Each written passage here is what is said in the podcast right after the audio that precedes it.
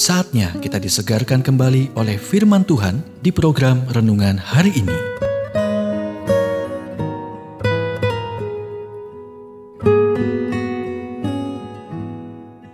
Renungan hari ini berjudul Cobalah berdoa dan berpuasa. Nas firman Tuhan diambil dari Markus 9 ayat 29.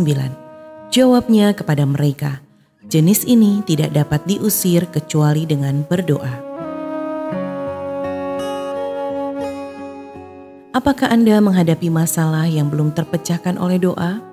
Apakah Anda memiliki orang yang Anda kasihi yang telah ditawan oleh obat-obatan atau alkohol atau kekuatan penghancur lainnya? Cobalah berdoa dan berpuasa.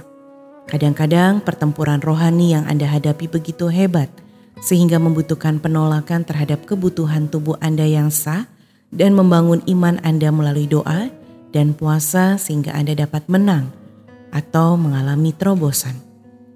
Yesus telah memberitahu murid-muridnya, sesungguhnya barang siapa percaya kepadaku, ia akan melakukan juga pekerjaan-pekerjaan yang aku lakukan.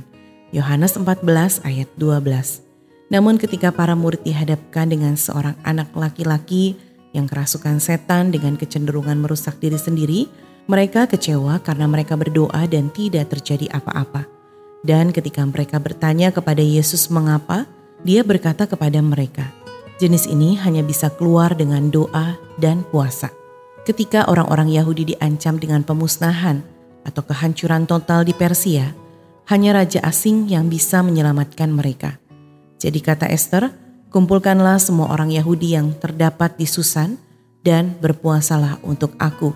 Janganlah makan dan janganlah minum tiga hari lamanya, baik waktu malam, baik waktu siang.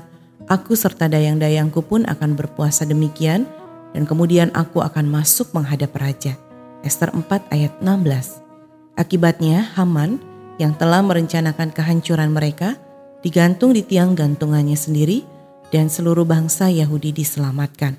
Ada saat-saat dalam hidup ketika Anda harus mengatakan tidak pada kebutuhan fisik Anda sehingga Anda dapat fokus pada kebutuhan rohani Anda. Puasa mempertajam fokus Anda dalam berdoa, membentengi iman Anda, mempersiapkan Anda untuk menghadapi tantangan, dan mengarahkan hati dan jiwa Anda kepada Tuhan.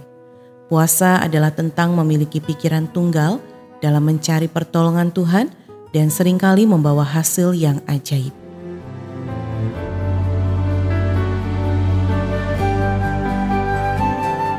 Kita telah mendengarkan renungan hari ini. Kiranya renungan hari ini terus mengarahkan kita mendekat kepada Sang Juru Selamat, serta menjadikan kita bertumbuh dan berakar di dalam Kristus. Renungan hari ini tersedia dalam bentuk buku maupun digital dan bisa Anda miliki dengan menghubungi Japri di WhatsApp 0812 8784 7210 atau email ke infoapripusat@gmail.com. Tuhan memberkati.